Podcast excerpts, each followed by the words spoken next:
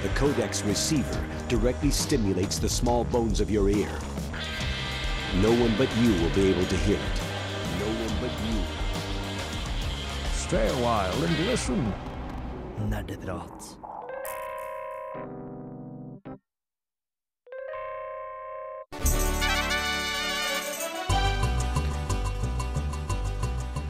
Hola y bienvenidos a Nerdeprat. Hei og velkommen til Nerdeprat, radioprogrammet og podkasten der vi snakker om dataspill og andre mer eller mindre nerdete tema. Og eh, i dag skal vi ha tematapas. Det betyr at hver av oss i studio har tatt med seg et lite tema hver, som vi skal få nyte i små porsjoner seinere i sendinga. Men hvem er disse sagnomsuste personene i studio? Vel, mitt navn er Torben, og jeg skal være dagens programleder og tekniker. Til min venstre side har jeg Og Maren. Og eh, Steinar! Og Tor Magnus. er rett overfor meg, så på min høyre side ish, så har vi Renate! eh, Como eh, estamos? Hvordan har vi det? Moi bien. Når Muy bien. Jeg tror det betyr kjempebra. Eller kjempe noe, i hvert fall. mi, mi casa, su casa. Eh, esto espan... Volevo, couché Nei, det Je ne parle pas français, nei. Nei, men hvordan går det med dere? Det går bra. Veldig bra. Det går faktisk overraskende bra med meg òg. Enn med det, Torben? Jo, det går uh, ganske fint. Jeg er klar for å ha sendingen, ikke minst. Yay. Det er vi alle, tror jeg. Ja, Bare printeren begynner å like meg. Jeg har et ark jeg prøver å få ut av printeren til sendinga, men uh, den vil pokker ikke. Og så vil ikke nettet etterpå, så vi får se hvordan det blir. Ja, Men eh, vi skal få høre låt her. Dette er André Øy med Amarkord. Og mitt spørsmål til studio nå er, som alltid i starten av hver sending, hva har vi spilt siden sist? Og så Maren, hva, Ja. hva har du spilt? Eh, jeg har vært veldig EA-dominert i det siste. Fordi jeg har- Electronic Arts? eh, Ja. Uh, som er veldig kjent for Sims, blant annet. Jeg har spilt SimCity, for jeg har tenkt Nå har jeg spilt så mye City Skylines i det siste at jeg må ha noe å sammenligne med, for jeg var jo hekta på SimCity en periode. Og jeg spilte sånn, uh, herregud, 700 timer av det, eller noe sånt. Eh, som var overraskende mye for et spill som ikke er så bra engang. Ja, fordi det som er greia med SimCity, det har jo liksom Det har ikke noe endgame. Det er jo hva du sjøl gjør det til. Om du så vil brenne et byen til slutt, så Ja, og det jeg fikk, var faktisk et spill Jeg prøvde meg på sånn Evil Mayor run, der jeg på en måte kasta ut folk for å bygge industri og sånn, spesielt dem som er fattige, da. og så til slutt så kom Godzilla og trampa ned hele byen min. Men i, det, i prosessen så åpna opp all søppelet mitt. Så det var så verdt det, fordi jeg hadde så mye søppel. Det her spillet her må jeg ha. Fordi det er ikke så bra citybuilder, men det har liksom den wacky EA-stilen da, som er litt morsom, og så har det litt sånn Sims-spiriten. da. kanskje det Godzilla-spillet jeg alltid ønska meg. For den Godzillaen, det, det er på en måte ikke Godzilla, Nei, nei, nei, men det er Godzilla. Ja, for jeg- du, er god, du, er, du er stor fan av Godzilla, Renate? Uh, mildt sagt, ja. Jeg har sakte og sikkert gjort om studentmediekontoret om til en Godzilla-shrine. We're getting there soon. Godzilla pictures everywhere. Ja, mann. Ellers så har jeg også spilt Sims 4, og så hva er det å si om det? Jeg har drukna folk i basseng og sånn. Ja, du Eh, kan fortsatt gjøre det. Du kan fortsatt gjøre det hvis du fjerner steggene. Fordi problemet er at de kan klatre ut av bassenget på egen hånd. Så det du må gjøre, er at du må bygge et gjerde.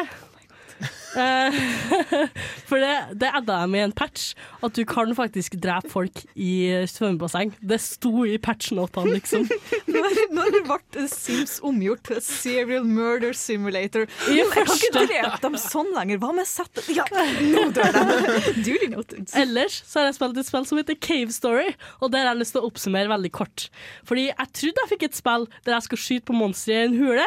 I stedet så fikk jeg et spill der jeg nettopp stjålet trusa til en robot etter å ha hatt sex med en hare. Oi, Det det husker ikke jeg fra spillet, men OK.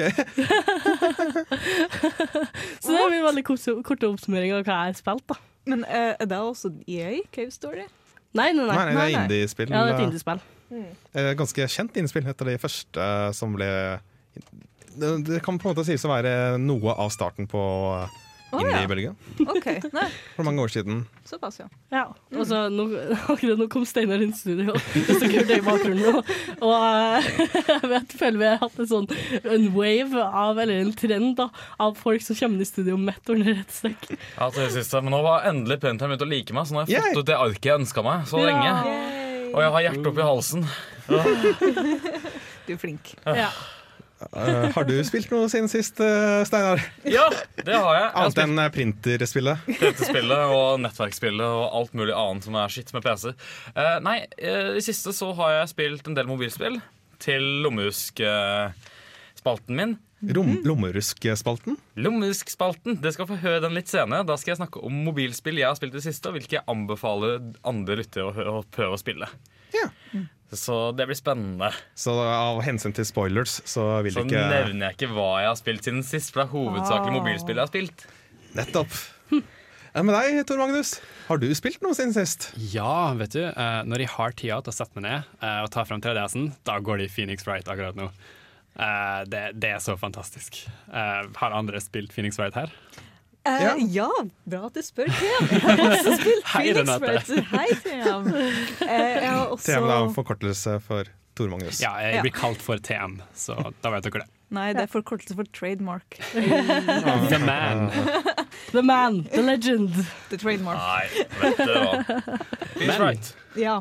Um, kan bare gå rått over hva jeg har spilt i det siste, da, hvis det går bra. Vi har spilt veldig veldig mye Phoenix Wright. Jeg har lagt inn så mye timer, og tiår egentlig har bøyd av søvn. Det er jeg nei, jeg er ikke trøtt. Hva om vi spiller litt mer Phoenix Wright istedenfor? For da får jeg iallfall ikke søvn. Jeg spiller Phoenix Enig. Wright. Er, er det virkelig er det, er det så stort det spillet her? Tar det, tar det så lang tid? Mm, Ja, det er hva du sjøl legger deg til, for du må kan man kan si, bruke litt hjernen. Ja, altså Du blir leda gjennom en dialog. Altså det, det er det som utgjør hele spillet. Dialogen. Du blir dratt gjennom en slags visual novel, nesten. Uh, så Ja, Det er jo det det gjerne kalles, da. Visual novel. Mm, Ja. Riktig. så det, er- det er små deler der du har kontroll, og ellers så følger dialogen det gjennom hele spillet. Mm. Mm. Og jeg Fordi du spiller som advokat eh, som skal uh, være i rettssalen, og forsvarsadvokat først og Ja. fremst, Yes. Stemmer, da. som da skal påpeke noen sånne brister, logiske brister Ja. i forklaringen til uh, vitner og sånt, for, å, for at ikke din uh, Hva heter det? Den du er advokat for, Ja, skal ja, ja. bli uh, uskyldig Helt si dømt. ofre, helt på å si da. Ja, men er det litt sånn eh, Hva skal jeg si, da? Litt sånn tenkespill?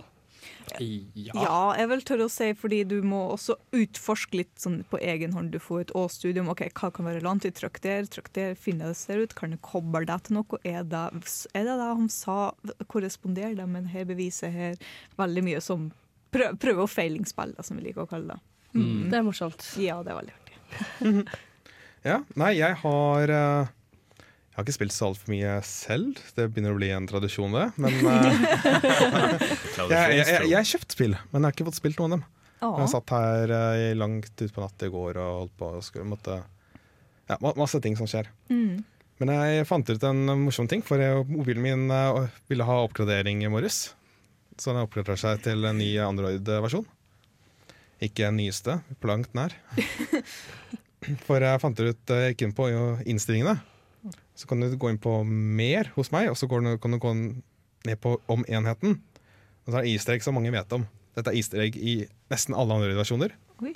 Hvor du tapper veldig mye på Android-versjon, står det her. Her står det Android-versjon 5,0,1 står det hos meg. OK. Jeg kan tappe mye på den.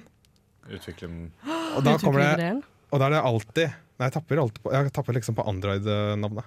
Android-versjon. Hva skjer da? Da er det alltid en eller annen sånn easter egg som har med Android-versjonen å gjøre. Okay.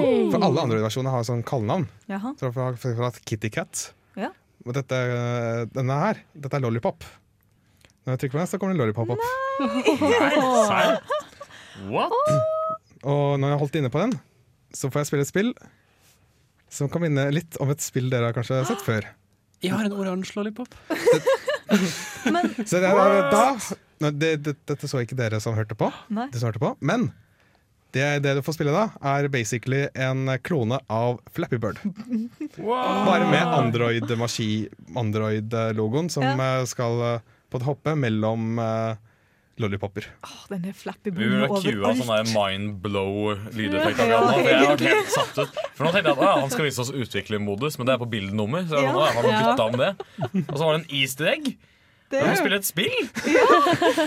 er, det skal sies, det er et veldig vanskelig spill. Jeg prøver å spille nå, men jeg får ikke til å komme meg forbi Det er, det første. det er veldig passende at det minner om Flappy Bird. Ja, egentlig. Det får ikke Jeg skal ikke anmelde Flappy Bird, men uh, ja, det er veldig passende. Snakke om mobilspill. Snakke om mobilspill. Hint, hint. Så jeg tror ikke, Du har ikke den samme i hver versjon. Hvis du har en annen andre versjon, så er det gjerne en annen easter egg som da ikke er Flappy Bird-klone. Ja. Hvis du har 5, et eller annet, så har du Lollipop-kodenavnet som til andre versjon. Da kan du prøve deg på noe sinnssykt vanskelig Flappy Bird-klone. Men her skal vi få Restate Your Mind av Marinius her på Radio Revolt.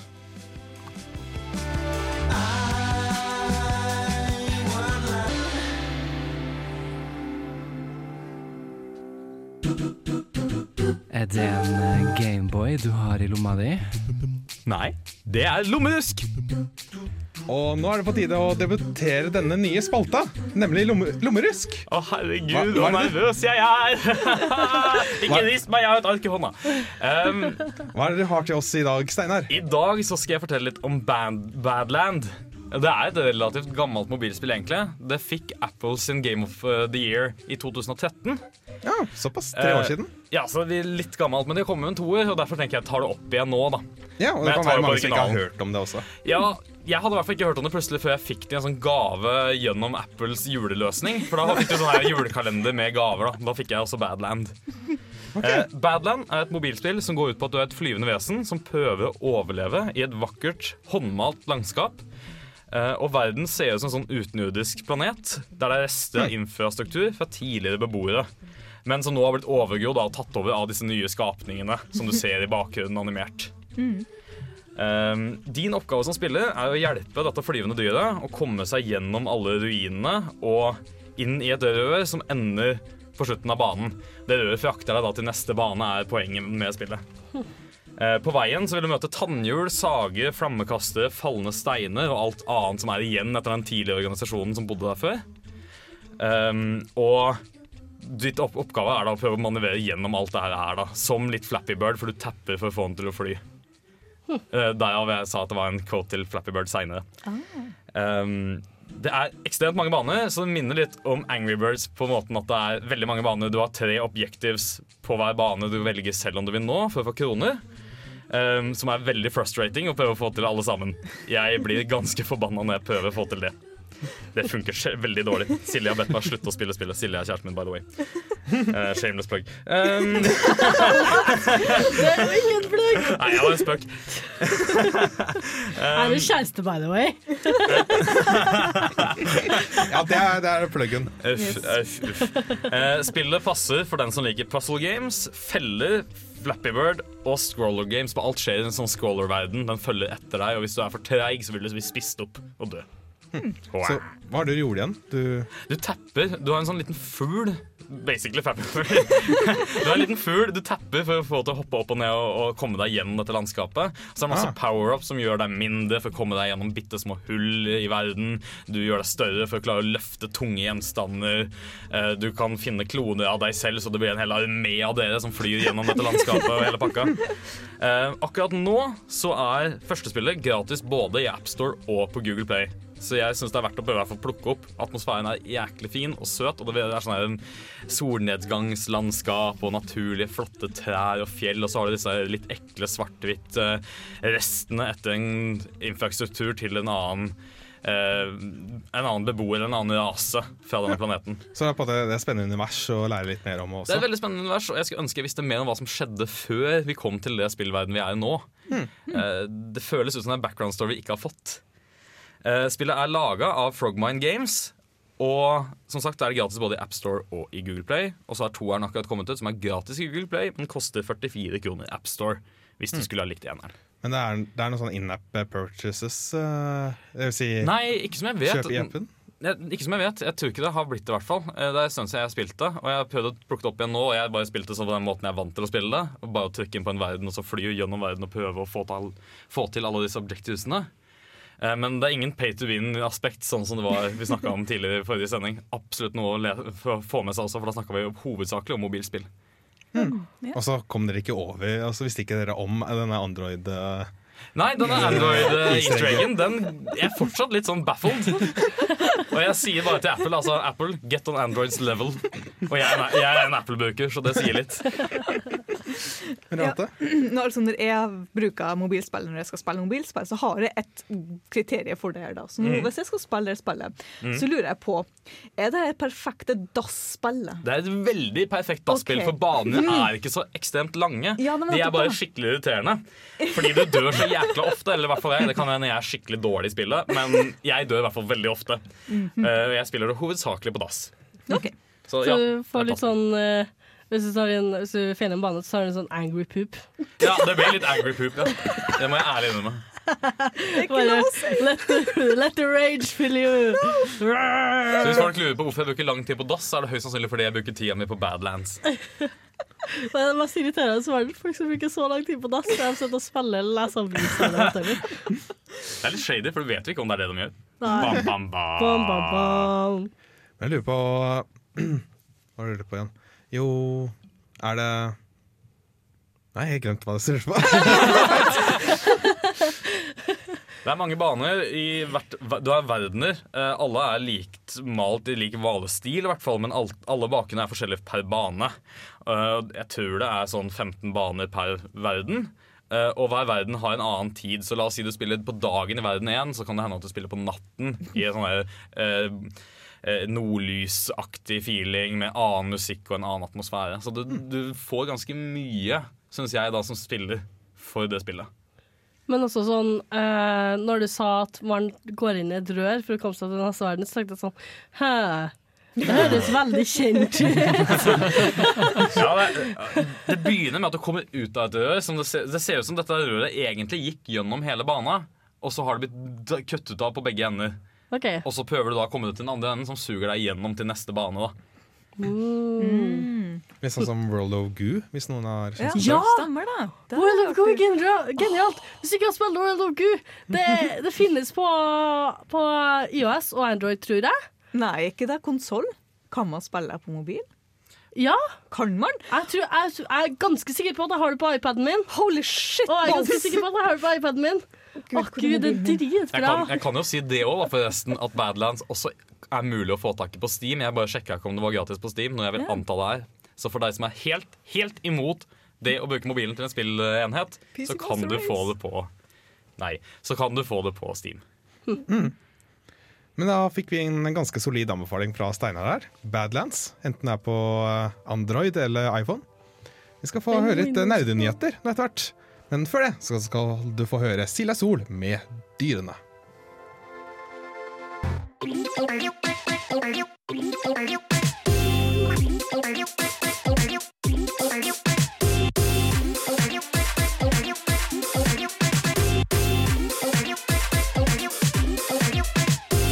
Nerdenytt. Og i dagens utgave av Nerdenytt så har vi fått hjelp av nyhetskorrespondent Tor Magnus. Take it away! Hallo, hei hei. Vi har hørt rykter om Nintendo NX. Hmm. En uh, Nintendo 64-emulator ute på Xbox One. Hva skjer? Er det rykter om Good, uh, nei, Beyond Good and Evil 2? hey. Eh, og så er det en ny patch av Final Fantasy 14, det store MMO-spillet. Firewatch-spillet på Steam skal bli film. Say what? Og et veldig, veldig stort spill som heter Heidi. Eh, masse rare ting. Vi, vi kommer mer om det straks. Yes. Oui, OK. Eh, så greia er at Nintendo NX den, den har jo blitt veldig, veldig hypa nå. Um, og et intervju med, med Game Skinny, et annet spillanmelders eh, side, uh, så, så fikk de faktisk De ble nesten hysja på av Nintendo når, de- når de prøvde å snakke om NX. Og Nintendo sa rett og slett at hvis dere eh, snakker mer om oss til NX nå, så, så må vi nesten bare stoppe intervjuet. Rett og slett. Nintendo nekter å si et eneste ord om NX. Det, det er veldig rart. Det her tror jeg kan virke veldig mot sin hensikt. Å bare sånn her, mm, Ikke vær bitchy mot oss, Nintendo. Vi vil vite mer om NX, så har vi krav på å vite mer om NX. Mm, mm, mm. sassy liksom klapping. Mm, mm, mm. Fordi det er sånn der, Du trenger ikke å si så mye, egentlig. Du kan bare si ja, vi har liksom planlagt da, skal komme ut og kanskje planlegging. Du kan bare fylle lufta med mye sånn tomord, istedenfor å bare skjøtte ned et hele intervju. Det er, det er helt sant. Men Um, det var også sånn at eh, de eh, refererte til dette her, at eh, i artikkelen deres, om at de ikke fikk lov til å snakke om NX. mm. Men det også, det at de, de ikke fikk lov til å snakke om det, det, måtte, det sitatet måtte de også fjerne. Nei, ja, altså, de måtte fjerne det. Det stemmer. Ja, sånn at eh, det, det ikke sto at de ikke hadde lov til å Yes. Så hvordan ble det likt at de ikke hadde lov fordi de ikke hadde lov til å Hæ? De, de, Det er, folk har selvfølgelig, det er internett, så folk Ja, har så folk fått har screenshot av liksom. Ja, for all. Skjønner, skjønner. yes, det, er- det er akkurat det som er greia. Uh, men det er Pokémon-spill som kommer til NX, som er confirmed. Uh, Ubisoft har uh, sagt at de skal jobbe med NX, så ting Ja. ut og går. Ubisoft annonserte allerede på E3 at uh, Just Dance uh, Ja. kommer til NX. Stemmer da, stemmer da. Eneste spillet som ble annonsert til NX på uh, E3, så å si. Så bortsett fra Legend of Zelda Breath of Ja, the ja, ja, Wild. selvfølgelig. Well, en av, en av få spillene som ble annonsert NX. Seriøst Just Dance. Ja. Just Dance. And it'll be Men Zelda var jo stort, da. Ja, ja, men jeg syns Just Dance trakk ned litt. Yes. Det var også snakk om en Nintendo 64-emulator som er ute og går på Xbox One, eller som var en veldig kort stund. Eh, den kom opp, og så ble den funnet ut av, og så ble den fjerna. Ah. Sånn på samme dag, nesten.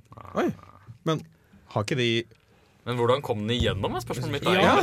Hvordan i all verden klarte den å komme igjennom og ikke bli fanga opp av radaren med Det en var, gang? sånn som jeg forsto det, så, så var det at du måtte søke etter noe veldig spesielt for å finne tak i den. Uh, så om ikke du visste akkurat hva du søkte etter, så ville du ikke finne den. Eh, selvfølgelig så fant jo Microsoft ut av det her veldig fort, vil jeg forstå. Men, men, de, men hva, hva var det på den emulatoren? Var det noe spill som vi fikk prøvd? liksom? Eller? Uh, greia, Hvis du har emulatoren, så f- kunne du egentlig spille whatever. Fordi da kan du jo du, du har jo en browser i Xbox One, vil jeg tro. Så du bare kan laste ned rom i hytt og pine. Ja, det er sant. Ja, har eh. Rommer er på en måte en slags fil som er hele spillet. mm. Sånn som det var på kassetten. Liksom. Ja, men er det sånn at man kan lagre ting på systemet til Xbox One, og så åpne i emulatoren?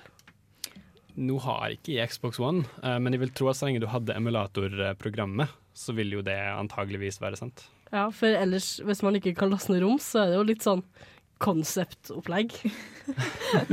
liksom bare Se hva vi kan gjøre! Jeg er Fuck fortsatt veldig imponert over at det kom igjennom. Jeg, da, i det hele Ja. Hadde ikke dette vært catcha med en gang. Jeg trodde det var litt mer Nei, jeg vet ikke. Strengt. I don't know.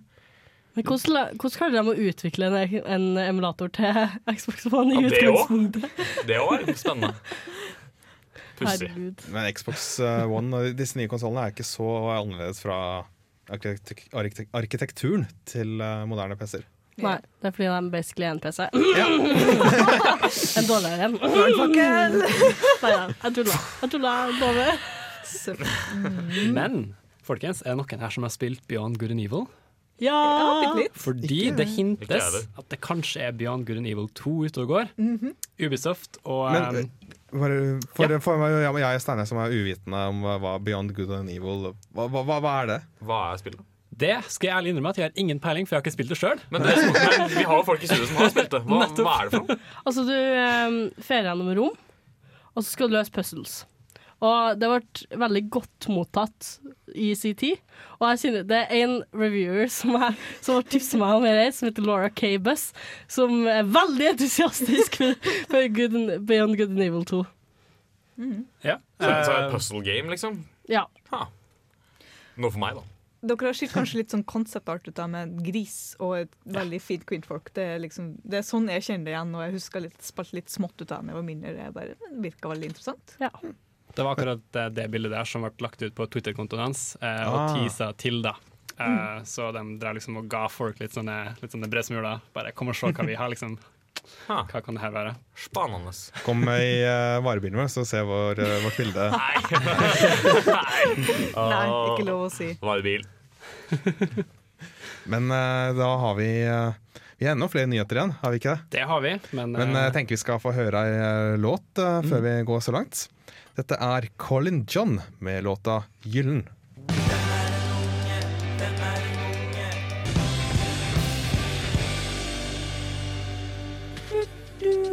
Nerdeprat på Radio Revolt. Og Vi skal få enda flere nyheter her på Nerdeprat, men eh, aller først så har du en liten korrigering å komme med, også, Maren. Det er utrolig flaut, fordi jeg har blanda Ubisoft-titler. Eh, det jeg refererte, finner jeg ikke i farta på Google. Google 2013 Puzzle Games, 2014 Puzzle Games, 2015 Puzzle Games, Ubisoft, Puzzle Games. Men herregud, Beyond Good and Evil er den Lara Croft-klonen, skal si. Veldig skremmende lik eh, Lara Croft. Hun, eh, hun Ja, hva skal jeg si. Og så er det sånn action-adventure der du går rundt og løser mysterier. Det er Beyond Good and Evil. Det er et ganske gammelt spill, som jeg spilte litt når jeg var yngre. 2003? 2003, ja. Nei, det, det er snakk om 13, 13 år, ja. og så kommer det snart en oppfølger. Da, da, da, da snakker vi Må ha noen gamle fans da, eventuelt som gjør at det er verdt å holde på Ja. ta opp igjen. Det er jo mange som har spilt det når de var unge, sant, som har vokst opp med det spillet. Vi har jo kommet til et punkt der voksne folk har på en måte spilt det spillet for lenge siden, og vokst opp med det. Det er interessant. Men uh, vi har Så fortsatt beklager. klager er dritflaut. Med det ute av verden så kan vi uh, hive oss løs på nyhetene, Tor Magnus. Hallo, hallo. Eh, vi fortsetter videre. Eh, det store MMO-spillet Final Fantasy 14 har kommet ut med nok en stor ny patch. Okay. Dette er så masse innhold. Uh, patchene kommer ut sånn hver tredje-fjerde måned. Hmm. Så det er en sånn stor oppdatering, da. Men det der lurer jeg på, altså, Når kommer det en patch, men er spillet ennå lansert? Er det kommet ut, så spillbart? Final Fantasy 14? Ja. Ja, det har vært ute siden Å, nå burde jeg- 2013. Å, herregud, nå barnet med Noctis og Arne greier. Oh, ja, nei, nei, nei, Ja, det er det siste spillet der igjen. Ja. Nei, sorry. Men ja. Flott, flott. Veldig bra. Jeg snakker om online-spillet, da, som Mm. eh, har vært ute siden august eh, 2013. eh, som nå er en av de største MMO-spillene eh, ute der. Nei, ikke Kanskje mer ikke like stor som World of Warcraft, ja, si. men det er liksom i halen på dem, da. Mm, mm. Uh, Sjøl har jeg spilt i nesten to år. World of Warcraft eller Eh, Fantasy? nei? Final Fantasy. Final Fantasy 14, beklager. Okay, nice da. Haha. Så nå kan du endelig duellere mot hverandre. Det har du ikke kunnet på tre år i det spillet, og det syns folk var veldig kjipt. Men Ja. nå kan dere klaske hverandre med hva enn dere skulle Var det bare jeg som tenkte feil nei. Hva, hva, hva er det som er nytt, sa du? Eh, dere kan endelig duellere mot hverandre.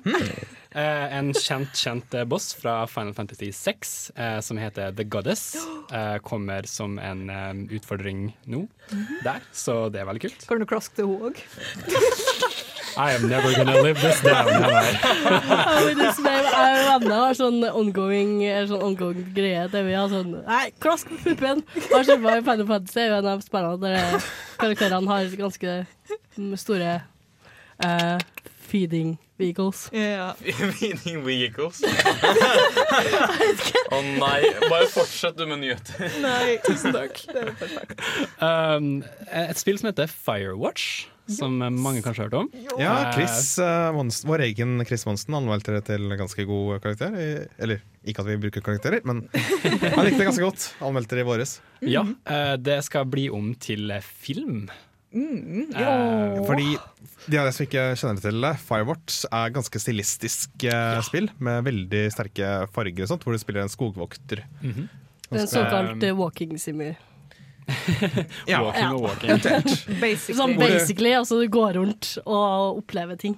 Ja. Men hvor du har den walkietalkie, hvor det alltid er en, en kvinne i andre enden som uh, det er handling med, da.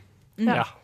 Det var en, det jeg skulle til å si. Å, Og det her gleder jeg meg kjempemye til, fordi jeg ser på castinglista nå, og det her er Jeg har ikke peiling hvem noen av dem her er. Så nå, det her er sikkert de har funnet liksom bunnen av bunnen av skuespillere her i Hollywood. Så bare du, du vil sikkert Altså, det er film basert på et spill, så det er jo liksom film basert på spill er ikke kjent for å være så stor, ikke så god, da. Så det er liksom Kanskje de starta et sted, da. men hva er det vi vet eh, så langt, eh, Tor Magnus? Eh, om filmen. Ja. Eh, oi, gikk rett vekk fra det jeg skulle. Ah, ja, hva, hva var det skulle uh, nei, altså, i, i dag slo meg på eh, hva spillet handler om også. Uh, sånn som at du er Henry som, som går rundt. Han heter Henry. Henry heter han. heter han. Eh, men nei, det skal tydeligvis bli flere. Eh, kanskje flere filmer, ikke bare én. Altså, det en Det blir sånn. Hobbiten-opplegg. Hater det! Eh, så ja, det skal bli flere. Uh, så det Altså, stemninga av spillet er jo fantastisk, så jeg gleder meg til å se hvordan, uh, hvordan det kommer til å bli. Men når du snakker om skuespillere, det må jo være sånn, de må jo nesten ta i dere voice actorene fra spillet. Eller så blir det litt sånn halvveis. Um, Håper det. Håper Basert det. på hva jeg ser ut av bildene her på voice-actoren, og hvordan det ble visualisert i spillet, så håper jeg fortsatt ikke det. Fordi han, han som har voicen til Eller den som skal spille Henry i, i, uh, i spillet, nei, i filmen, da, han er ikke en Henry. Han er en tenåringsgutt. Ish. Øh, OK.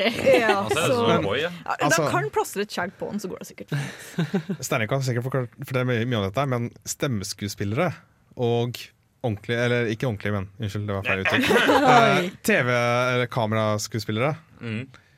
Du, du har et Venn-diagram. De har, det har noen som er eh, i begge deler. Men Ja. det er også mange som er stemmeskuespillere, som ikke Det er gjerne et felt man spesialiserer seg i. Ja. Ja. At du spesialiserer deg på å jobbe med stemme og bruke stemmen til forskjellige karakterer.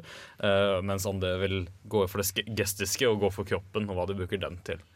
Så oftest er voice actor bare voice actors, og så er det noen som er så begavet at de kan gjøre begge deler, vil jeg påstå. Mm, tror faktisk at eh, I Norge så er ikke stemmeskuespiller et ordentlig yrke ennå. Alt går under skuespiller, Mm. tror jeg. Ja, det det. Mens i Amerika så har du voice actor som en actual profession. da. Ja. Det blir kalt stemmeskuespiller, men det vil bli definert som en skuespiller. Ja, det blir det. Eh, siste nyheten på agendaen vår Det er en litt sånn særnyhet som vi fant. Uh, en Steam toppselger fra Heidi. Uh, en sexy protagonist eh, i Portal-esk følelse. Eh, tydeligvis eh, fått kritikk, litt sånn både opp og ned, for å ha helt forferdelige rumpe- og brystefysiks. Eh, mens, andre, mens andre roser plattformspillet for å være helt fantastisk og egentlig ha masse dybde, så vil andre påstå at det her er bare kjipt, og breast physics er ikke bra. Se for deg ting litt ut av proportions. Altså å spille heter Heidi? Spillet heter Heidi. OK. Kan ikke si jeg har hørt om det. Nei, er det veldig galt gammelt? Det er liksom? En, eh, en Steam topseller ifølge Kotaku, så Heyday, eller? Heyday heter det. Google-maskinen går for harde, Ja, ja, ja, harde livet her. Jeg vil se breast physics her også, så jeg kan klaske til den. Sånn. breast physics. Jeg. Eh, Heidi er en norsk bedrift som siden 1968 produserer stort sett er byggeprodukter. Det er kanskje Men hvordan staver du det? Eh, H-a-y-d-e-e. H-A. Heidi på engelsk. ah. Ja. Jeg tror vi må legge ved en link til, til lytterne våre, så de kan finne dette lettere enn oss. Hardcore old-style Metroidvania mixed with modern day third person shooter and platform mechanics. Ja, ja, der har du det. Ja. Det ser veldig sånn eh, Portal-esk ut. Litt sånn samme stil der, for du styrer ei eh, halvt menneske, halvt robotdame eller noe sånt. Som, eh, jo enorme bryst. hun får veldig usaklig enorme bryster, uh, som, som egentlig bare ser rart ut. Å gud, oh, hva heter roboten i Mass Effect? Hun som fikk en eh, camel toe i tredje. ID? Eh, stemmen. Å ja. Uh, uh, ja.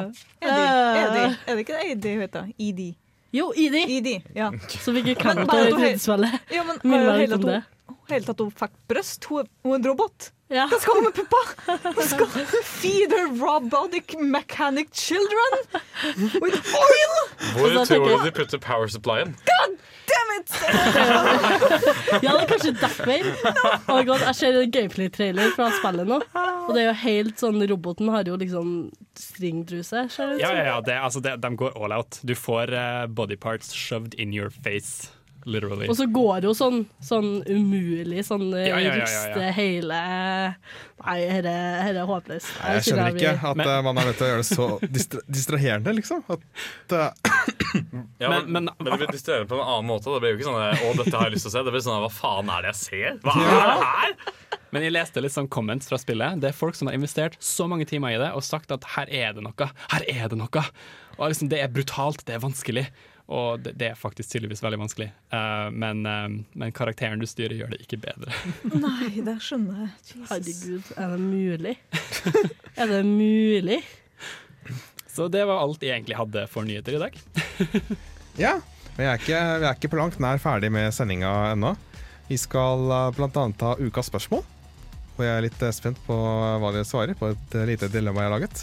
Før vi går i gang med Tapassen. Men eh, aller, aller, aller, aller først skal du få Justice med låta Randy.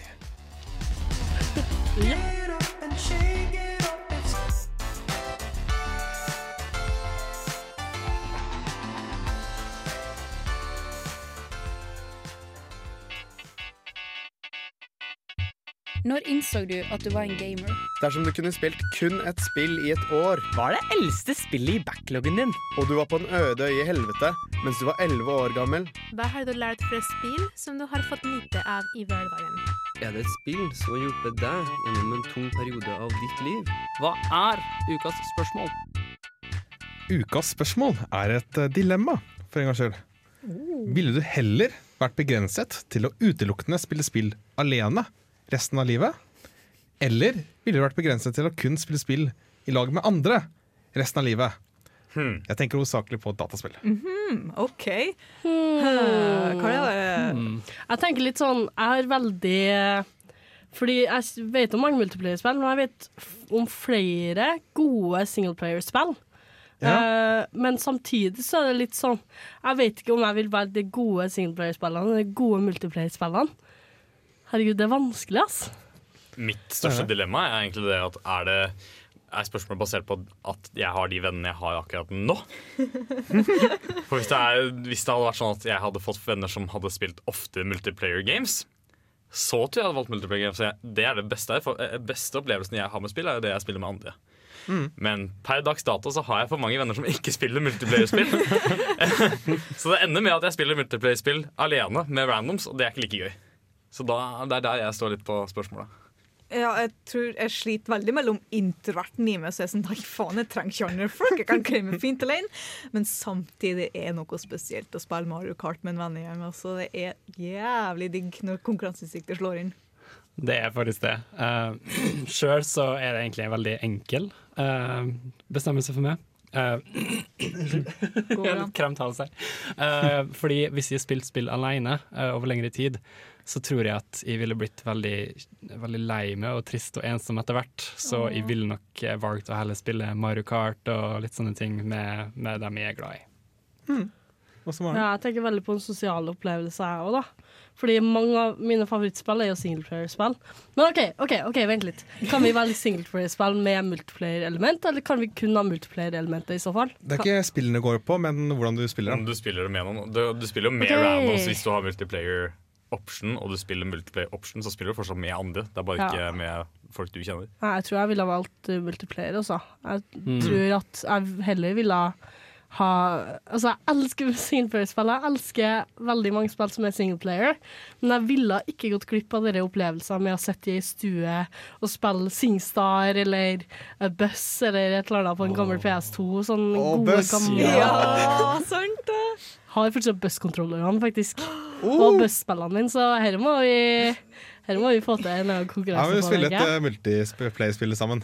Ja, Ja. det må vi. Ja. Men er det ikke sånn at Singstar! Nei! Jo, vær så snill! Altså, Altså- sånn I heimen I heimen så har vi en rosa PS2.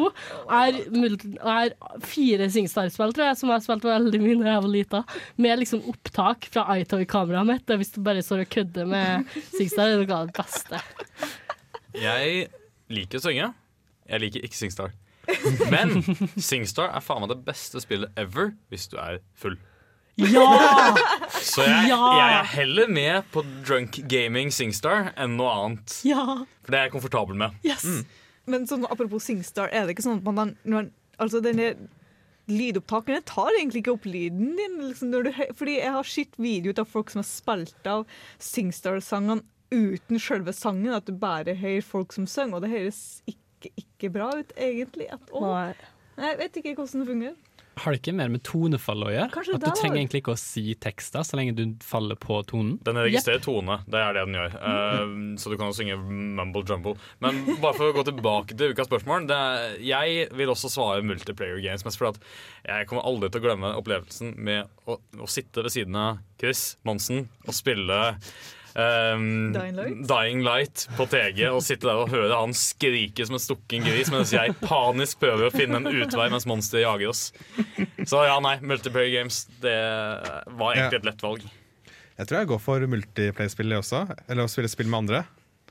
Fordi at eh, Nintendo har hivd seg litt på den Coop-bølga. Mm. Fordi de starta med New Super Mario Brothers V, Mm. hvor du Mm. kunne eh, spille New Super Mario Brothers med fire folk. Eller Mm. Du har fire folk som kan spille, du kunne spille med tre andre. Og de har også fortsatt dette her i Super Mario 3D World, hvor du har, eh, kan spille i lag med andre. Så jeg, jeg tror, har tro på at Nintendo vil fortsette den trenden med å tillate multiplay i spillene sine. Og da kan jeg få med meg de Nintendo-spillene jeg liker så veldig godt, Ja. i lag med andre. For jeg har ikke lyst til å miste det sosiale aspektet heller. De satser også veldig mye på det å spille multiplayer med håndholdt også, nå, Nintendo. Og det er noe jeg syns er veldig spennende. Jeg som ikke spilte så mye håndholdt før nå.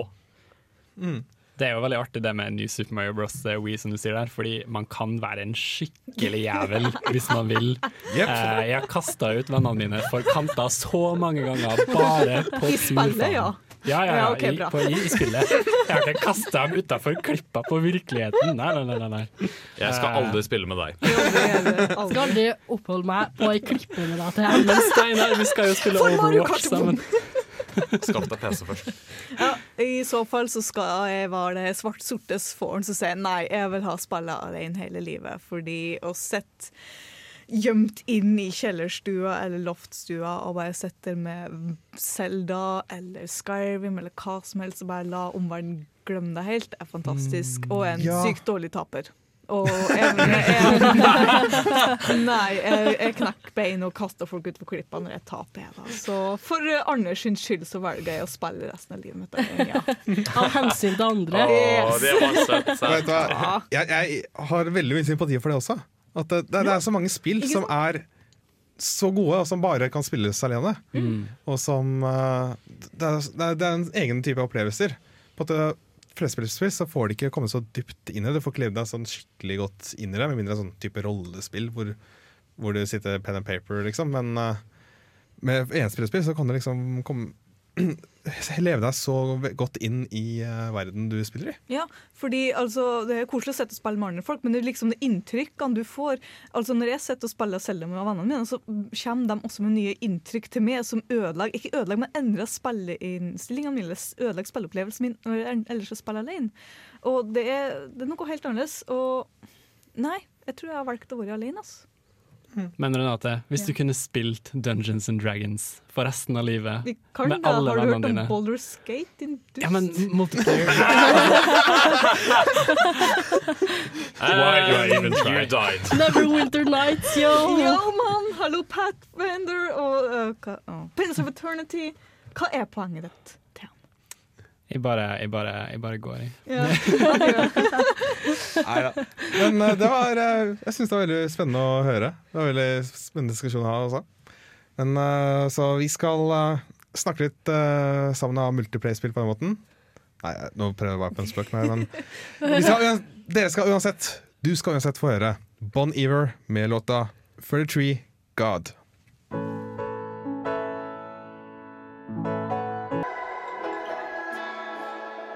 Du hører på Radio Revolt, studentradioen i Trondheim.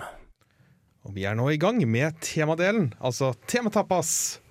Hurra! Og eh, Åse Maren, du har tatt med deg et eh, gans ganske spennende tema til oss. Ja, iallfall noe jeg er ganske sterkt følsom. For Ja. jeg husker når jeg var lita, så var det flashspill som dominerte. Flashspill. Flashspill. Dette er de spillene som du spilte i nettleseren. Ja. For, eh, til, altså- til dagens barn som ikke har rørt Flash eller og installert uh, Acrobat eh, Flash Jeg husker ikke hva det heter, men Shockwave. Shockwave Flash. Ja. Mm. Altså, Flash uh, Eller en gang i tida så dominerte jo Flash. Det var nettsida altså, For altså, alle hadde Flash. Alle kunne spille Flash-spill. Ja. På et punkt så var det jo 99% av alle datamaskiner som hadde Flash. Eh, vi husker alle uh, Bejeweled, Mojafas BMW uh, og Playing Tower with fire. Defense. Playing with Altså, fire. Og Playing with Fire. For meg, nå, så eh, tenker jeg altså 1, 2, 3-spill og Congregate Uh, og det der Tower Games, eller hva det heter. 1001 spill. Ja, 1001 spill. Sol.no. Uh, ja, Sol.no. Neopets. Må jo ta en shout-out til Neopets. Eh, hvor samla jo disse spillene og var enormt populære. Alle var på 1, 2, 3-spill, alle var på 1001-spill. Jeg husker det når vi satt i friminuttene og spilte det der. Adventure Quest, har du kanskje hørt om det? Ja, Adventure Quest. Herregud, jeg var så skremt av det. Jeg spilte sånn ti minutter, og så bare ga jeg opp, for det var en edderkopp i første level. altså, det som, var, det som gjorde det populært i utgangspunktet, var jo at det var veldig mange som utvikla på Flash. Mm. Eh, Det var en slags lekeplass for amatører. Det var så lett, fordi alle hadde Flash. Så du trenger, du trenger, du, da hadde du på en måte veldig fritt eh, spillerom. Det var en go, veldig god plattform for sin tid. Starta på 1990-tallet, 1990-tallet, og så bare utvikla det seg, utvikla seg, utvikla seg. Men for meg nå, så er jo plattformen litt død, da. For jeg har lest, en del sånn think pieces skal jeg si, om, eh, om at Flash er dødt.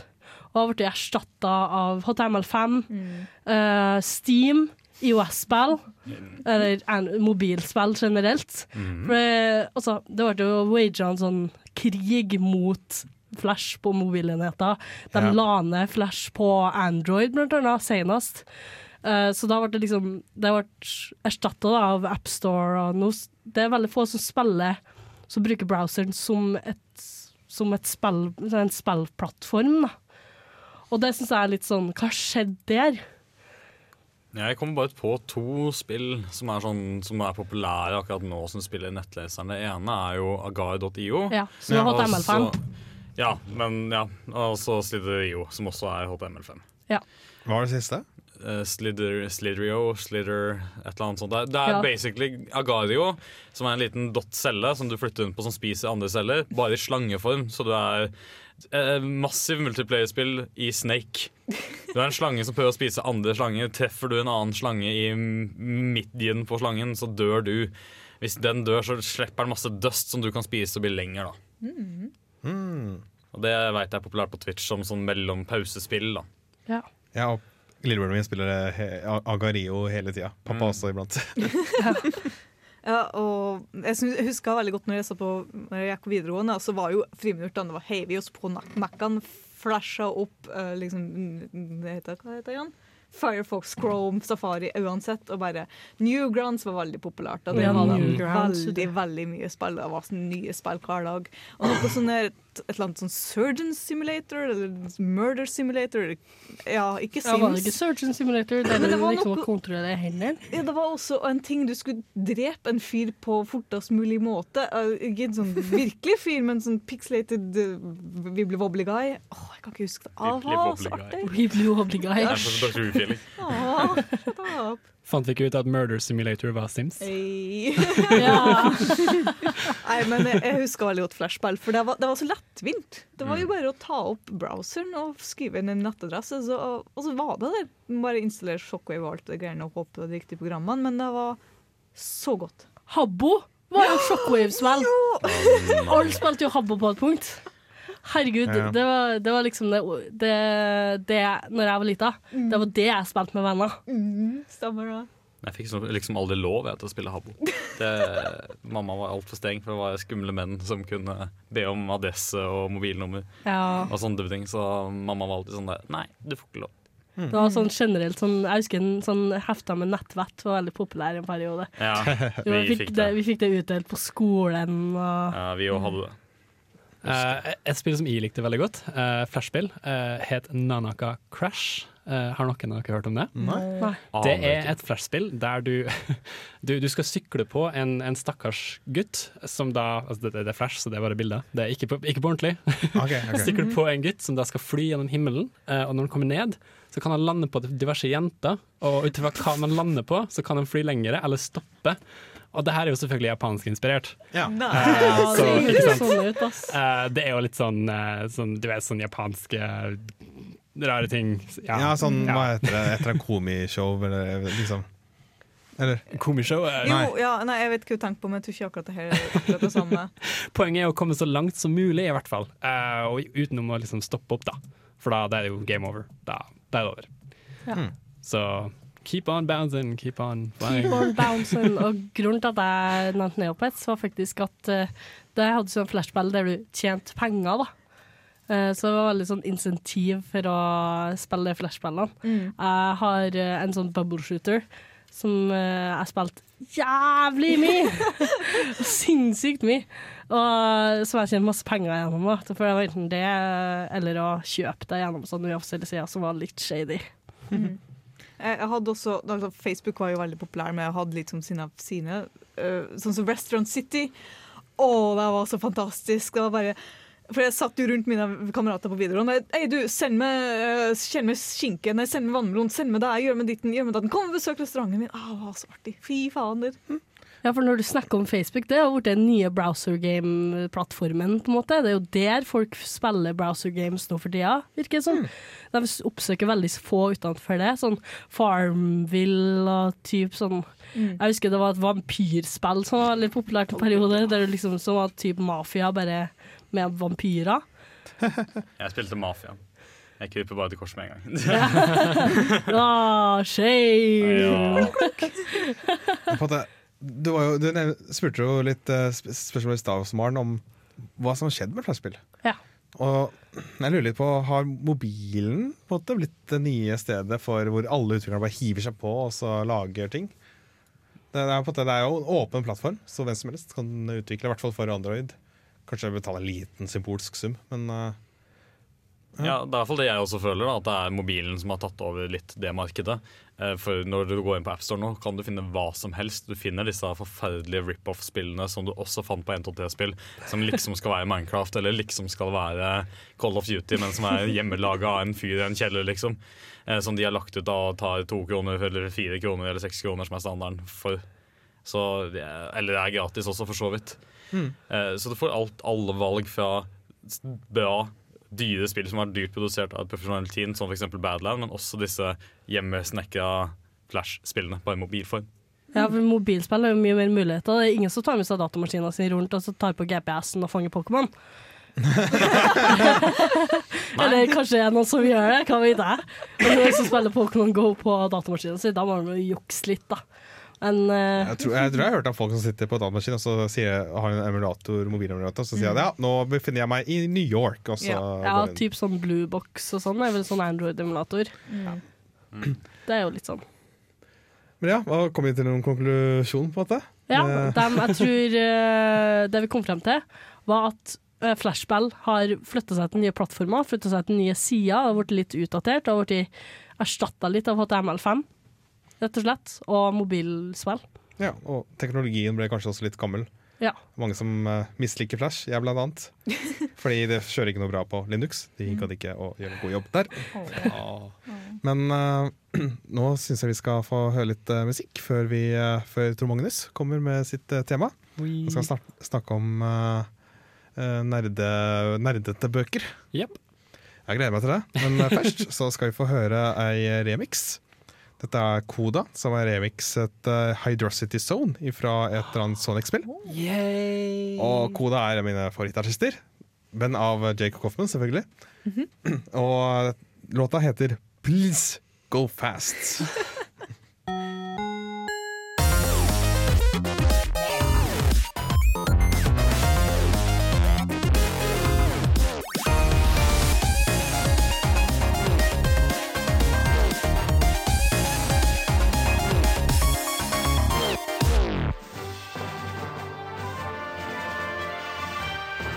på Nerdeprat på Radio Revolt. Og vi skal nå prøve oss på det jeg liker å kalle for nerdebokpratbarn. Fordi på tirsdager på Radio Revolt så har du Bokbarn som går, hvor de snakker om eh, bøker i en time. Men eh, nå skal vi, vi skal snakke om bøker her også, men selvfølgelig med litt eh, nerdete eh, over seg. Det er jo veldig viktig å, å snakke litt om eh, andre ting enn spill av og til. Bare, bare, bare av og til, ikke hele tiden. Eh, eh, jeg nevnte jo også denne boka her um, på um, åpningssaken min da jeg først begynte, og den yeah. heter Ready Player One. En veldig veldig omstridt bok. Uh, den handler rett og slett om at uh, hele verden har gått to shits. Uh, alle lever i bunkere, eh, økonomien, alt har bare gått helt asunder. Og altså, det er litt i fremtiden, det glemte jeg å nevne. Eh, så folk har på en måte trukket seg inn i et online-spill som heter The Oasis.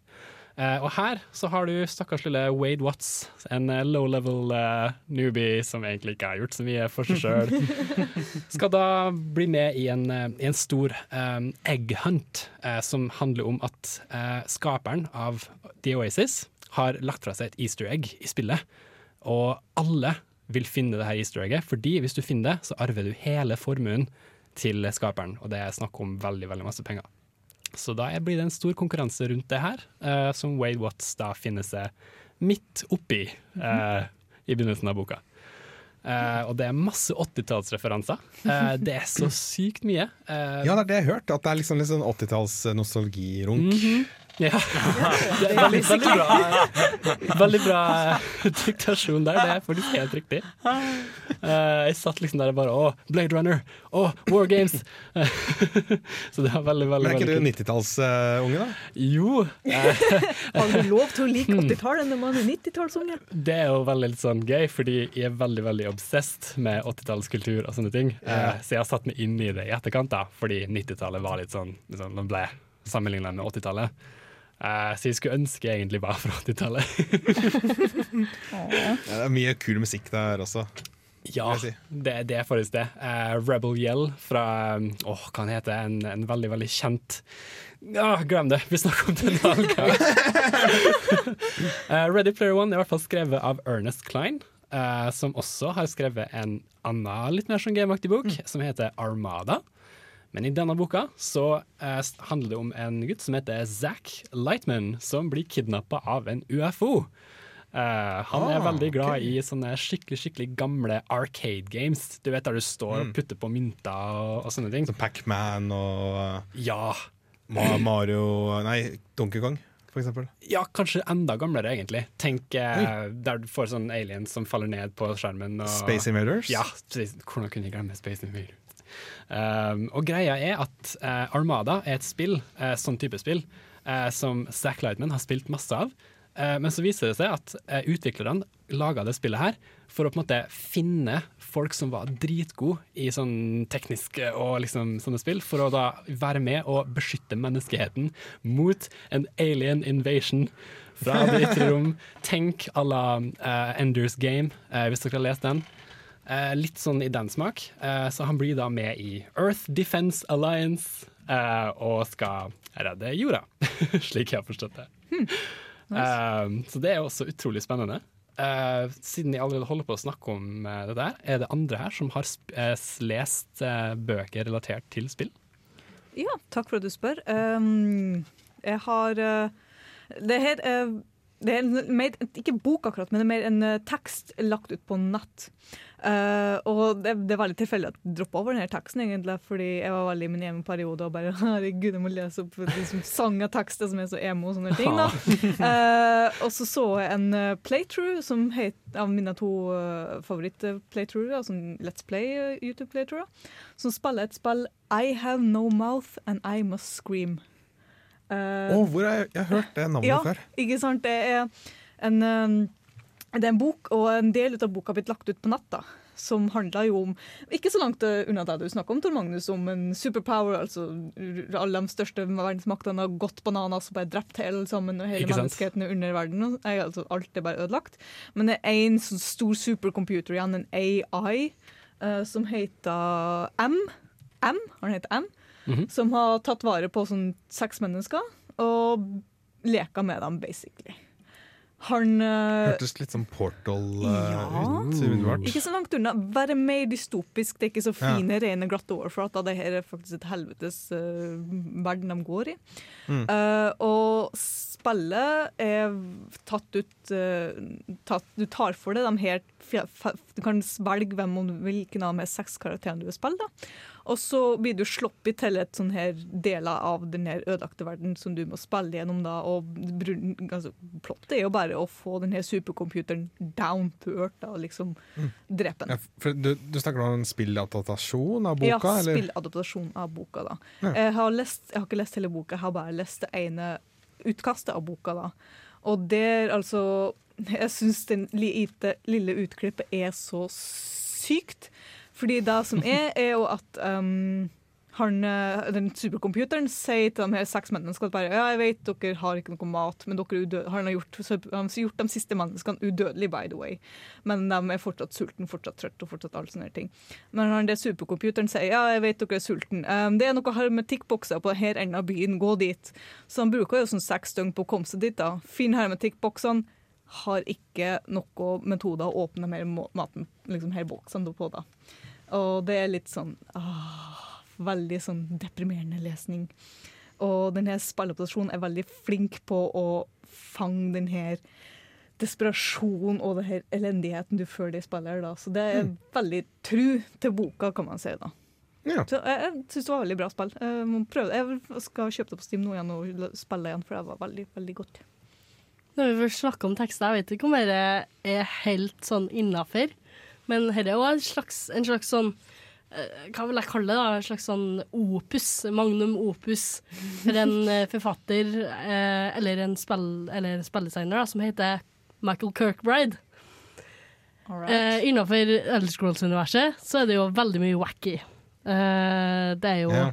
guder som eh, bedriver incest, det er brødre som blir til måner, det er, altså, det er katter in space, det er alt mulig. Eh, og dette verket da, heter Koda, altså C0DA. Og det er veldig, veldig sånn helt ekstremt sånn Det er sånn meta, eh, religiøst eh, Hvordan skal man beskrive det, egentlig? Det er helt out of this world. Da. Det er utrolig hva man kan ta eller trekke ut av en spillverden. Så det, dette er en slags Dette er en adaptasjon av noe Ellers Scrolls-universet? eller hva Nei, det er ikke en adaptasjon, det er mer sånn eh, Bridge the, the Gaps-opplegg. Litt sånn utvid på låren da, i universet. Eh, og så skrevet på en veldig sær måte, hvis det er noen der som er Elder Scrolls-fans og har lest uh, 36, 36 Lessons of Vivek, Mhm. så er litt som det. Bare i litt sånn semibokform, og litt sånn, litt sånn poesi, litt, uh, litt faktisk litt sakprosa, litt sånn alt mulig, da. Mm. Eh, siden vi snakker om uh, bøker, så tenkte jeg også veldig artig å nevne en bok som er prega litt av eh, brettspillet Dungeons and Dragons. Uh, som yeah. er helt fantastisk. En bok som heter Dangerous Games av Matt Forbeck. Der du eh, følger en gutt som heter Liam Parker, nylig utdanna politimann, som etterforsker et mord på GenCon. Eh, der han etterforsker drapet på Alan Varney, som faktisk er en brettspilldesigner. Eh, så han er i live, da, på, på, på ordentlig, det er han. Men i boka så, så dør han eh, veldig tidlig. Eh, og da blir Liam Parker sendt på det oppdraget her av eh, Wizards of the Coast-sjefen Peter Adkinson. Eh, Wizards of the Coast er da de som har laga eh, brettspillet Dungeons and Dragons. Og sånn herlig metagreie, da. herlig metagreie. Eh, og også det her Og hva heter det her kortspillet med eh, Magic the Gathering. Der har vi det! Eh, og det er veldig, veldig prega av eh, eh, Dungeons and Dragons, skulle jeg si. Jeg har også spilt uh, Nei, holdt på å si spilt. Jeg har også lest en bok som kommer fra et spill. Uh, Men jeg fant det ut nå, for jeg googla det for å være sikker for at jeg ikke sa bullshit. Uh, Jeg har lest Star Wars The Old Republic. Som er en Star Wars background story, Mm. men det kom først ut som spill. Og så kommer det en bok senere som heter Star Wars Old Republic eh, Revan. Revan, er usikker på hvordan du uttaler det. uh, som da sk står på bokcoveret 'Based on epic video game from BioWare and LucasArts'. Uh, der du får litt bakgrunnshistorie på Star Wars før uh, storyen tar del i filmversjon. Men jeg syns det er kjempespennende. Og, og hva, hva, hva er det som er den? Jeg kom på at jeg, spill, jeg leste ei eh, spillbok, og den er så bra. Dette er basert på spillet Dragon Age Inquisition. Den heter uh, The Masked Empire. Rene- Renate peker på meg veldig excitedly. den er så bra! Men så, Unnskyld at det bare hijacka hele, men har du liksom Har du lest om andre? Det er jo The Calling, Asunder, The Stolen Throne, Nei. The Last Flight. Nei. Det er fire bøker som er forhistorien til alle Dragon Age-spillene. Ja, er de veldig gode å lese? Er veldig behagelig å lese, egentlig. For det er sånn der, de, du, du kan lese dem her utenfor og ha spilt spillet. egentlig. Det bare, ah, det er good story, til tross for at du ikke har spilt spillet før. For jeg har hørt at Mask Masked Empire er det beste spillet. Eller beste, beste boka! Beste boka. Jeg er veldig confused over spill, bok, spill, bok. Eh, eh, det, er, det, er jo, det er den siste boka som kom ut, men jeg vil at The Stolen Throne er for da får du veldig mye bakgrunnshistorie for hvordan Dragon Age Origins begynte, egentlig. Ja. Det er jo om The Old King Merrick og Logan og hele pakken oppi der. Og The Stolen Throne har Lokikas navn. Men også eh, The Masked Empire har jo background story på dere Uh, hun, hun dronninga av Orlay ja. og hennes Fuck elsker. Og det er jo litt sånn, litt sånn romanse, litt sånn eh, forbidden love-opplegg, og Det det, er en elsker jeg. elsker. Oh. Men ja, så Ready Player One har vi fått anbefalt. Vi har fått an- Armada. Armada, ja. Og, Og Dangerous Games. og vi har også fått anbefalt masse Dragon Age-bøker for de som er inne i de spillene. Og også Star Wars-bok og litt hvert annet. Så da var på en måte den lille episoden av Nerdebokpratbaren Jeg syns du skulle deg fast stikk, egentlig. Det var artig, folkens. Lesehjørnet. Ja. Men uh, vi skal videre, og jeg har uh, tenkt å ta opp uh, et tema som har plaget meg en stund, egentlig. Mm. Nemlig terningkast. Eller hva heter det? Karakterer i anmeldelser. Men uh, før den tid så skal vi få høre en uh, Game Shops-remix. Altså, dette er fra samme plata som jeg spilte fra som forrige låt.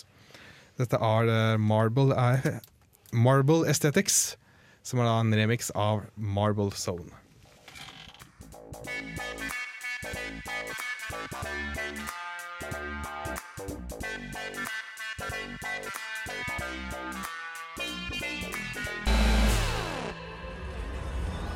Du lytter til Nerdeprat fra Radio Revolt.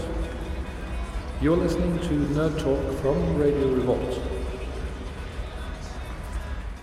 Og det er nå kommet til min tur til å bringe med meg et tema hit.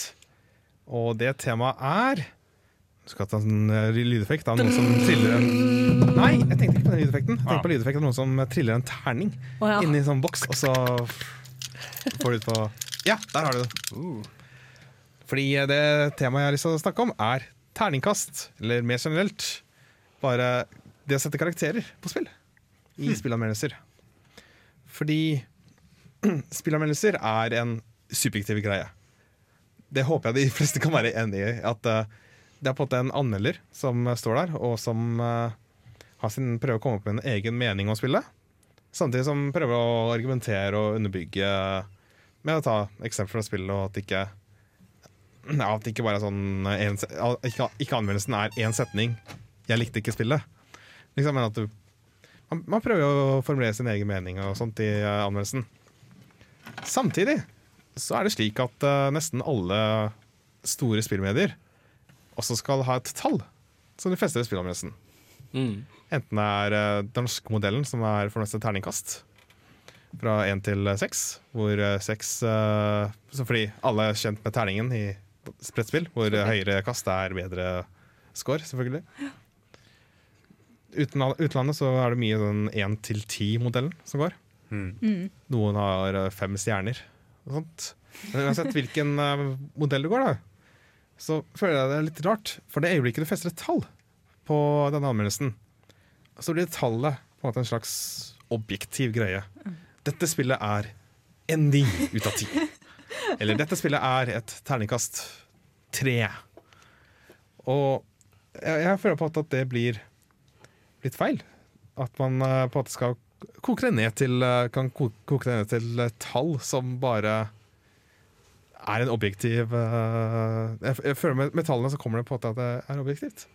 Ja, jeg skjønner hva du mener, og ofte er det det at det er det første du ser også, i anmeldelsen. gjerne Mm. For Hvis du søker på et spill, så står det første som står er ti av ti, eller fire ut av seks, eller tre ut av seks. Og så tenker du at å ja, spillet er enten bra eller dårlig ut ifra det, uten at du har lest anmeldelsen og hørt hva argumentasjonen til hvorfor det er det. Og så Mm. går du ut ifra at det er dårlig, eller at det går ut ifra at det er bra. Og det syns jeg er kjipt, for det, er det at du leser selve anmeldelsen, får du, får du se hvorfor personen syns det. Og det kan hende at du er uenig med hans begrunnelse hennes begrunnelse, og derfor kjøper spillet og prøver det selv og liker det veldig Ja. godt. Selv om personen ga en treer eller en toer. Nettopp.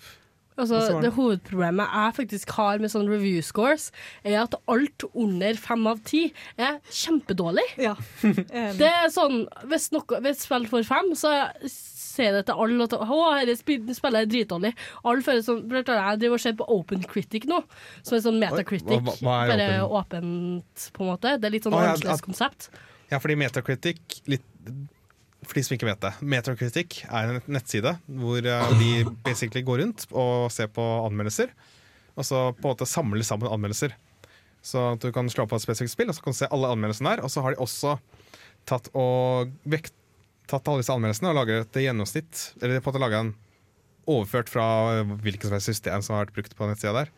Og så overført det til en 0 til 100. Mm. Og så tar de gjennomsnittet i et litt vekta gjennomsnitt, slik at noen anmeldelser teller mer enn andre. Og så blir det metacritic-scoren, da. Hvor kanskje et spill eh, på en måte får et, obje- får et endelig tall som oppsummerer alle, nesten alle anmeldelsene. Og den scoren brukes faktisk av spillselskaper til å utløse bonuser. Hvis, uh, hvis spillet får over 70 i Metacritic score, så får dere en, en, en ekstra bonus, uh, utviklerne, liksom. Hæ? Gjør du det? Ja. Skummelt. Det brukes eh, innenfor industrien og sånn for å på en måte være sånn bonus da, for å lage et ordentlig bra spill. Mi- Excuse me! Jeg ble litt sånn pissed off. Jeg, sorry, jeg, ble litt, ja, jeg skjønner da, de regna jo med, for det er, sånn der, de det er jo sånn problemet du sier, at det er, det er så vanskelig å sette et terning- terning- terningkast på noe som er så hva man kan kalle det, subjektivt. Hva man Mm. oppfatter som jeg syns er bra, egentlig. Er det subjektivt det heter? da? Det, er, det er i hvert fall så mye å sette meninger på. Ja. Jeg driver ser på, som sagt, jeg ser på Open Critic nå. Ja, ja, og er de har, eh, de har sånn uh, mighty, strong, fair og weak, sant? som de grupperer uh, anmeldelser inn i. Og 85 eller høyere er mighty. 84 til 75 er strong. Eh, 74 til 70 er fair. Og alt under 69 er weak. Oi. Oi. Så det er veldig harsh, altså. Det her minner meg om det amerikanske karaktersystemet igjen. Sånn som fra alt fra sånne 50 Nei, ja, 50 opp og Nei, eller sånn 60 igjen. Det er liksom F. Og du skal ha en sånn, sånn 90 til 100, da da er det en A. Eller kanskje 95 til 100, så er det en A igjen. Og Jeg vil ikke legge på en måte skylda på Open Critic for å ha det, for det er jo Nei, sånn nei. det brukes i, i uh, anmeldelsemiljøet. Ja. da. Ja. Det er det jo er- det er jo alt sånn- under 60 er på en måte Ja, dette spillet er ræva, ikke kjøp det. Nesten som å si at alle over 40 er jo gamle. Ikke sant? Er jeg Alle over 40 er jo gammel. Er det da jeg skal være drittunge og si at alle over 40 er gamle? Sorry, mamma og pappa. Beklager til alle våre lyttere som er over 40. Hei, Anders. Nei, Anders er ikke så gammel ennå.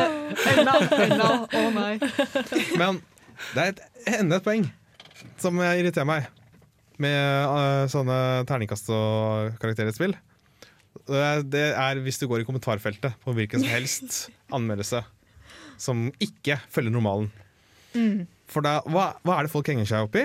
Er det at de føler seg litt uenige med anmelderen i akkurat at, om grafikken var god eller ikke? Er, det- er det sånne ting? Nei, nei. Det er. Det er, dette hørtes ikke ut som en syv ut av ti. Nei, eller den anmelderen der ga dette spillet en åtte ut av ti. Hvorfor gir du dette her en syv ut av ti? Nei, liksom det, det er så mange som henger seg opp i eh, denne karakteren. Som, det virker som folk har på en måte formulert seg en mening om spillet på forhånd.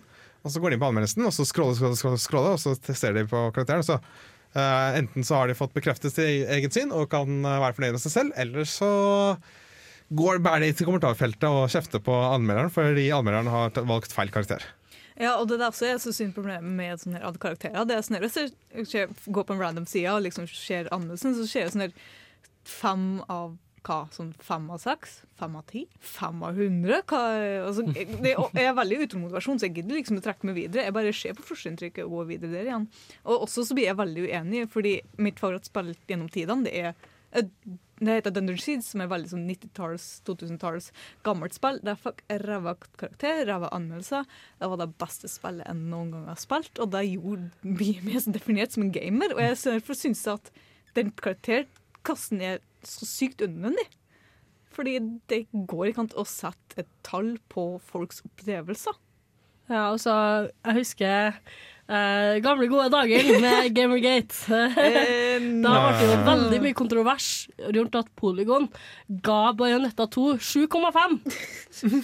Det var altfor lågt, syns folk. Og dette var da en del av denne crusaden da, mot Polygon og lignende sider. Og det er latterlig å se på. Et spill som får 75 av 100, er sånn Å, du hater spillindustrien, og du er verste i hele verden. Hva vil jeg si? Men ja, jeg, jeg er litt mer fan, uh, litt mer sansen for at man på en måte oppsummerer spillet, og kanskje også sier litt sånn Dette spillet egner seg spesielt godt for de som uh, liker puzzle-spill, eller dette spillet sånn sånn sånn. At man på en måte kan komme med en slags kjøpsanbefaling. Anerkjenner at forskjellige folk liker forskjellige spill. Ja. Men uh, nå tenker jeg vi skal gå videre. Du skal få høre Stardust av, fra det samme albumet, Gameshops. Her.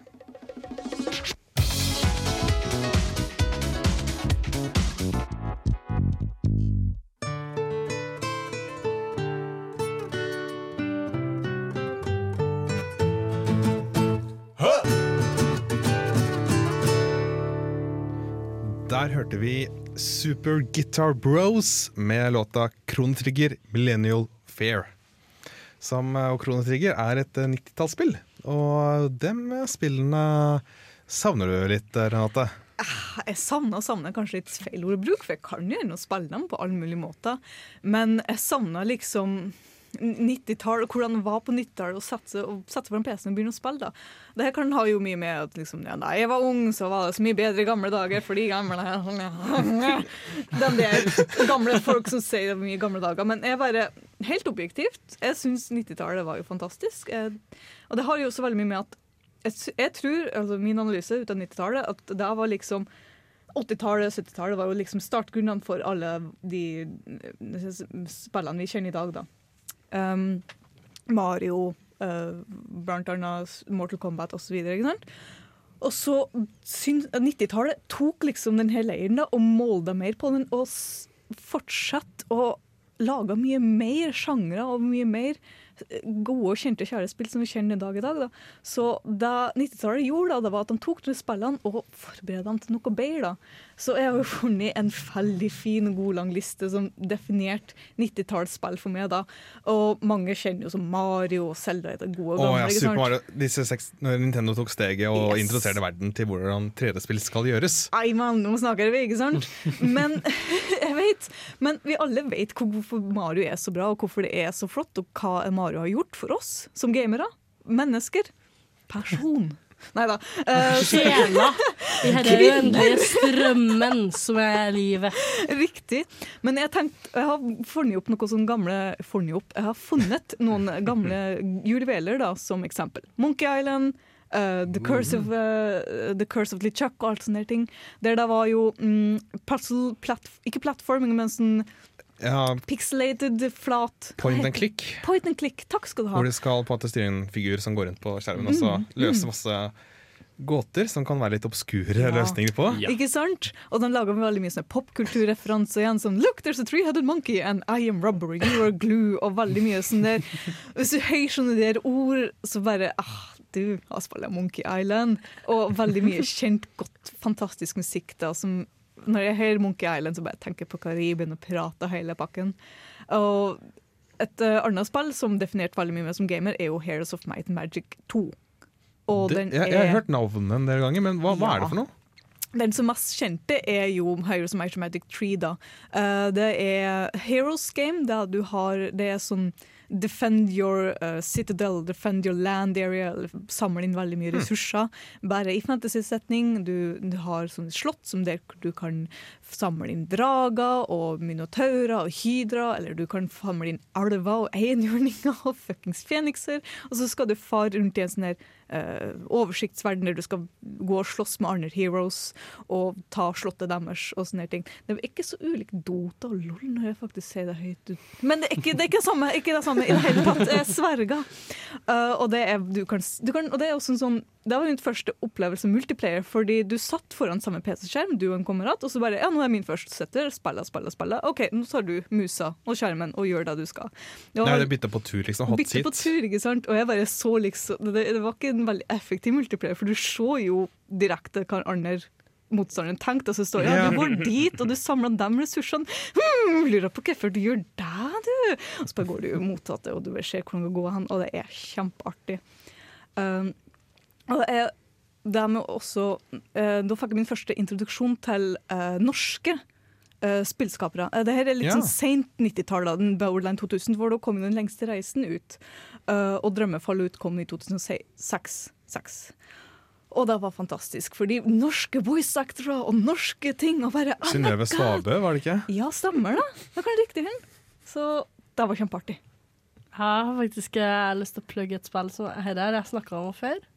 Men eh, når vi snakker om spill som har definert oss som gamere, personer og fisker i ræva, som vi kaller livet, så må jeg jo nevne uh, Elder Scrolls Direfall og Elder Scrolls Adventures Red Redguard, som kom ut i 96 og 98 respektivt.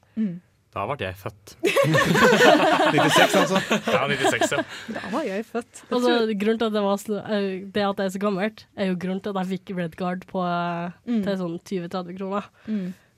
Ja, altså, det, du har spilt det lenge etterpå, liksom. Men du Ja. har eh, Mm. Men jeg er også Min mye, mye spilleopplevelse kommer jo av min bror, da, som kjøpte inn spillene først. Og så bare eh, jeg dem. 'Renate, vær så god.' Jeg bare 'yes, please'.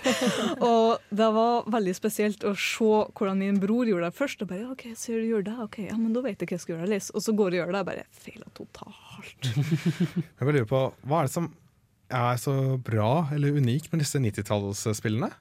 Går det an å måte trekke ut uh, noe på det er artig at du spør, Torben, fordi jeg har funnet en liste fra nett. Altså, det her er bare jeg er ikke enig på alle punktene, men de har liksom prøvd uh, lett og ledig å ramse opp hvorfor det er så bra som det er blitt. Hvilket nettsted? Uh, det heter spill.no.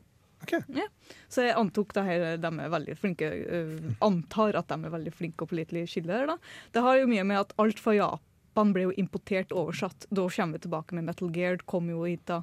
Og det er jo så stort, veldig groundbreaking i spillverdenen, da. Ja, Du hadde også kronetrigger, disse JRPG-ene. Yes, riktig mye hit. JRPG-er som kom hit da. Og også når vi satt fast i spill, så var det ikke bare «Øh, Google walkthrough, hvordan gjør vi det? Nei, vi måtte bare sitte og prøve og feile og skrike og hyle og ødelegge PC-er, eller spørre broren sin om råd hvis det skulle være. Husker dere når vi kjøpte sånne, eh, sånn bøker med walkthroughs og tips og sånn, som kosta sånn 200-300 kroner? Jeg vet ikke om jeg savner den tida, altså. Nei, jeg vet da. Men det er bare mye forskjellig som la grunnlaget for der vi er i dag, og jeg føler at det var en pangstart. Mm. Så. Nei, vi skal eh, få høre noe som ikke er retromusikk, da. Eh, dette er eh, Margaret Glasby med låta You and I. Oh, tonight I'm a little too turned on to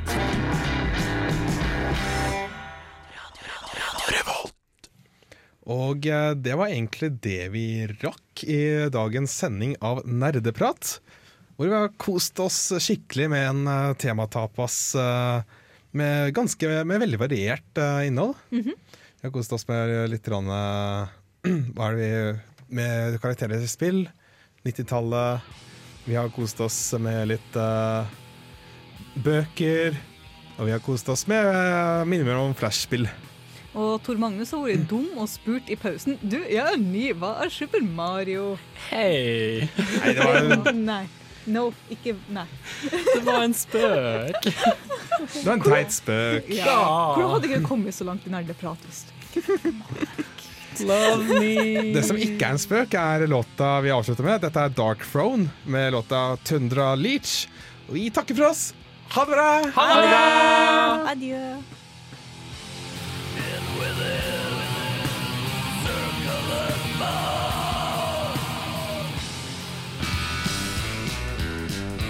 Du lyttet nettopp til en podkast fra Radio Revolt. For å høre flere av våre podkaster, gå inn på radiorevolt.no.